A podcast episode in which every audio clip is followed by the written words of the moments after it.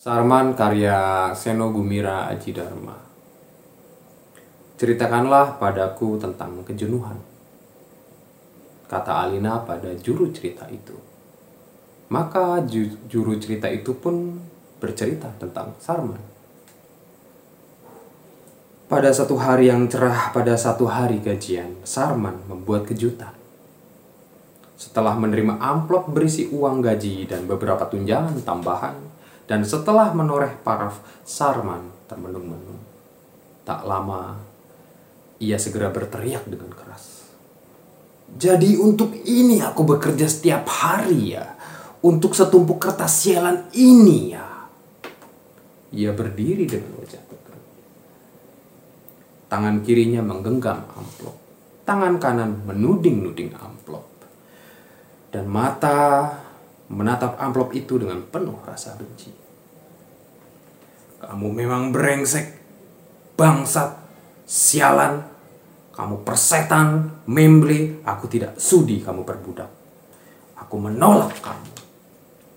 Kantor yang sehari-harinya sibuk, sejuk, saling tidak peduli dengan musik yang lembut itu pun mendadak jadi gempar. Lo lo lo lo lo lo. Ada apa man? Kok pagi-pagi sudah nyap-nyap? Eh, Sarman, kenapa dia? Kok surupan barangkali? Man, Sarman. Sabar, Man. Nanti kamu dimarahi loh. Tapi Sarman tidak hanya berhenti di sini. Ia melompat ke atas meja. Ia robek amplop coklat itu. Ia keluarkan uang dari dalamnya. Ia robek bundal uangnya. Dan sebagian uangnya ia lemparkan ke udara. Nih, makan tuh duit. Mulai hari ini aku tidak perlu digaji. Dengar tidak kalian? Tidak perlu digaji. Aku akan bekerja dengan sukarela saja.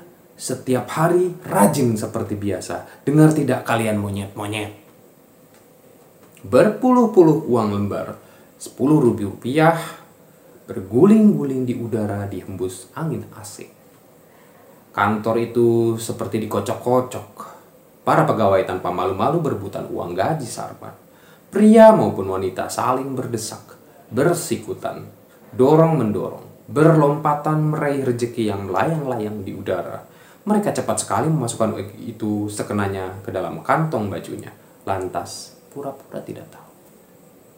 Sarman menendang semua benda yang berserakan di meja. Map-map yang bertumpuk, mesin tik, segelas teh, bahkan foto keluarganya ia tendang. Melayang. Layar monitor komputer pun pecah digasaknya. Sarman, kamu gila. Sarman melompat dari meja ke meja dengan ringan seperti pendekar dalam cerita silat. Ia tendang semua barang di atas meja karyawan-karyawan lain sambil terus memaki-maki. Tak jelas apa yang dimaki. Dalam uang dalam waktu singkat, kantor yang terletak di tingkat 17 itu pun berantakan. Sekretaris-sekretaris meja menjerit, "Ah!" Dan para karyawan pria memperlihatkan jiwa pengecut mereka. Tidak berani berbuat apa-apa. Meski dalam hati mengharapkan Sarman melempar-lempar lagi sisa uang yang dipegangnya. Dan Sarman bukannya tidak tahu. Kalian mau uang, ha? Mau uang? Suka? Kamu mau uang? Nih, nih, kamu mau uang? Nih, nih, nih. Kalian, kalian semua mau uang? Nih, nih, nih, makan, makan, makan. Sambil masih melompat dari meja ke meja, Sarman melemparkan uang di tangannya. Para karyawan berubah jadi serangga yang mengikuti ke mana pun Sarman pergi. Suasana kantor sungguh hingar-bingar. Wajah karyawan-karyawan itu seperti kucing kelaparan. Mereka berebutan dengan rakus. Yang sudah melompat jatuh terdorong. Yang menubruk uang di lantai. Diseret kakinya. Tidak sedikit uang robek dalam pergulatan. Tarik menarik, cakar mencakar. Tendang menendang tanpa pandang bulu. Eh, kalian masih mau uang lagi? Tanya Sarman sambil berdiri di atas meja kepala bagian. Mereka sel mereka serentak menjawab, "Mau." Sarman tersenyum. Keringat menetes di dahinya. Ia longgarkan dasi yang mencekiknya. Baik, tapi kalian harus berteriak. Hidup uang! Hidup uang! Setuju? Setuju! Maka, seperti pemain softball melempar bola, Sarman pun segera melemparkan uang segepok di tangannya. Uang itu berhamburan di udara. Menari-nari bagaikan salju hayalan di hari Natal pada panggung sandiwara. Mata para karyawan dan karyawati berbinar-binar riang, mulut mereka menganga. Wajah mereka menunjukkan semangat tekad bulat yang sangat mengharukan. Serbu! Teriak mereka bersama-sama. Pertarungan pun mulai kembali. Kini mereka berebutan bagai permainan sebuah pesta. Mereka tertawa terkikik-kikik. Saking asiknya mereka lupa bahwa banyak kancing baju mereka yang lepas. Sepatu copot, rok tersingkap, dan rambut terburai-burai. Sarman berjingkrak-jingkrak, seperti anak kecil. Ia melompat dari meja ke meja sambil bersalto. Ruangan riuh dengan yel, meskipun tidak terlalu serempak. Karena mereka bertiak sambil berebutan uang di udara dan di kolong-kolong meja. Hidup uang! Hidup uang! Mendadak muncul kepala bagian. Ia diam saja di pintu, menatap bawahan-bawahannya berpesta pora. Wajahnya disetel supaya berwibawa. Lantas ia melangkah seperti tidak terjadi apa-apa menuju mejanya. Mula-mula para pegawai itu tidak tahu. Mereka masih berebut sambil tertawa-tawa. Namun, yang tahu segera terdiam dan kembali ke mejanya. Pura-pura bekerja. Padahal mejanya sudah berantakan dikacaukan sapu. Lambat laun semuanya tahu kehadiran kepala bagian. Mereka mundur dengan tersipu-sipu. Sis tangan mereka kedua-duanya menggenggam uang. Sisa uang ber, bertebaran di lantai, di kursi, di meja, di bak sampah, bercampur tumpahan kopi dan gelas yang pecah. Kertas-kertas berserak-serak. Morat marit kacau balau dah kata peribahasa sih seperti kapal pecah. Sam Sarman masih berdiri di salah satu meja. Rambutnya kacau. Wajahnya buas seperti binatang tersudut. Pakaiannya yang biasanya rapi dan sepatu yang mengilat-ngilat kini jadi kumal. Kepala bagian hampir tidak mengenali Sarman Karyawan paling rajin dan kedudukannya menanjak dengan cepat. Coba, tolong jelaskan, apa arti semuanya ini? Ujarnya kemudian dengan sabar, tapi tetap tegas. Semua terdiam.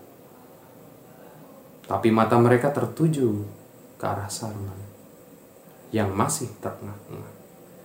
Menjulang di atas meja dalam sunyi musik yang lembut terdengar namun tak membuat suasana jadi dingin. Pandangan kepala bagian akhirnya tertuju pada Sarman. Sarman, apa kamu bisa turun dari meja? Tanyanya. Bisa pak, tapi saya tidak mau. Kenapa? Jawabnya panjang sekali pak, tidak perlu saya jelaskan lah ya. Kenapa tidak? Kita bisa membicarakannya di ruangan lain dan tidak pak. Jangan coba-coba merayu. Itu kasar. Hari ini saya menolak gaji, menolak bekerja juga, menolak menuruti bapak.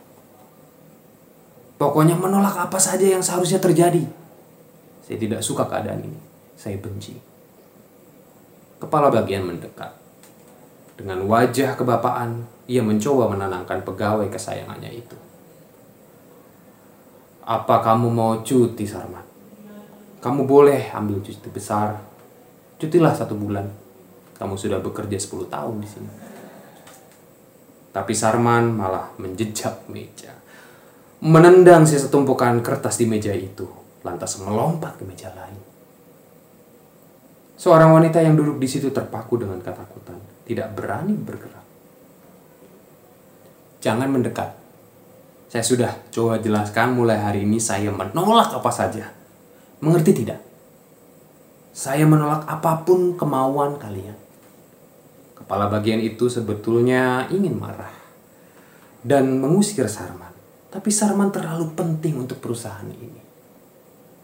Lagi pula, alangkah tak layak memecat seorang pegawai yang jelas sangat berjasa seperti Sarman. Sementara itu berdatanganlah para karyawan dari bagian lain. Kejadian itu begitu cepat tersebar. Beberapa petugas keamanan memasuki ruangan. Mereka akan bertindak tapi kepala bagian menahan. Tunggu.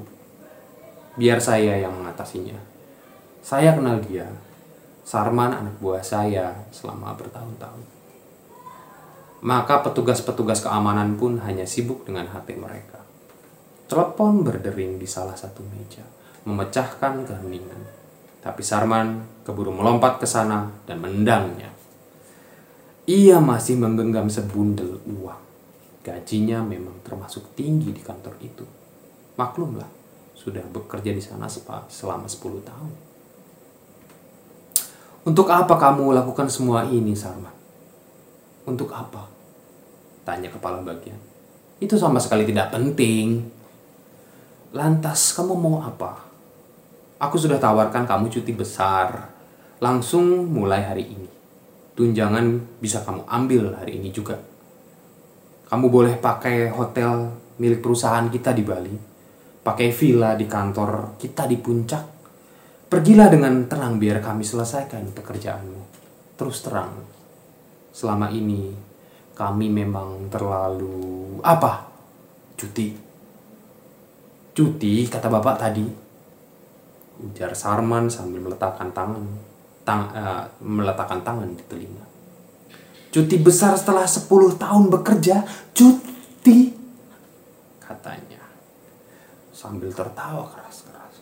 Cuti Lalu ia tertawa lagi. Cuti besar lantas masuk lagi.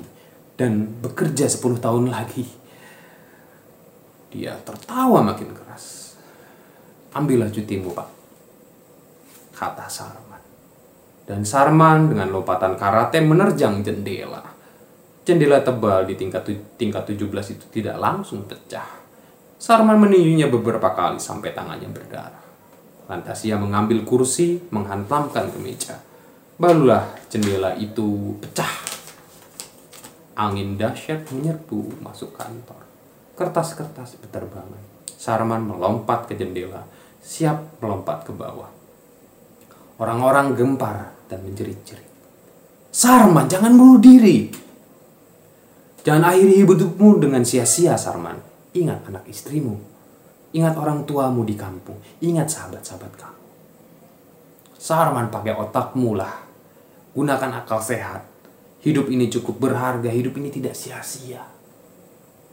Sarman yang sudah menghadap ke jalan raya berbalik. Sambil menendang sisa kaca di kusen jendela, ia berteriak dengan marah. Bangsat kalian semua, bangsat.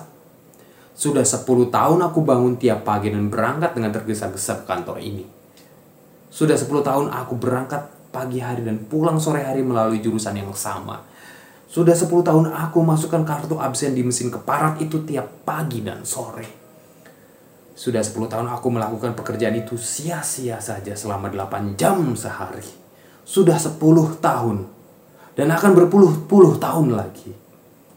Aku memang dibayar untuk itu dan bayar itu tidaklah terlalu kecil. Tapi itu semua omong kosong. Cuti juga omong kosong. Ini bukan salah kalian. Ini juga bukan salah perusahaan. Ini semua hanya omong kosong. Kalian tidak mengerti monyet-monyet. Ini semua omong kosong. Sarman sudah gila dia. Bisik seseorang. Kenapa sih dia bisa begitu? Desis yang lain. Semua ini cuma lewat seperti debu. Sarman masih terus nyerocos. Apa kalian masih ingat angka-angka yang kalian tulis kemarin?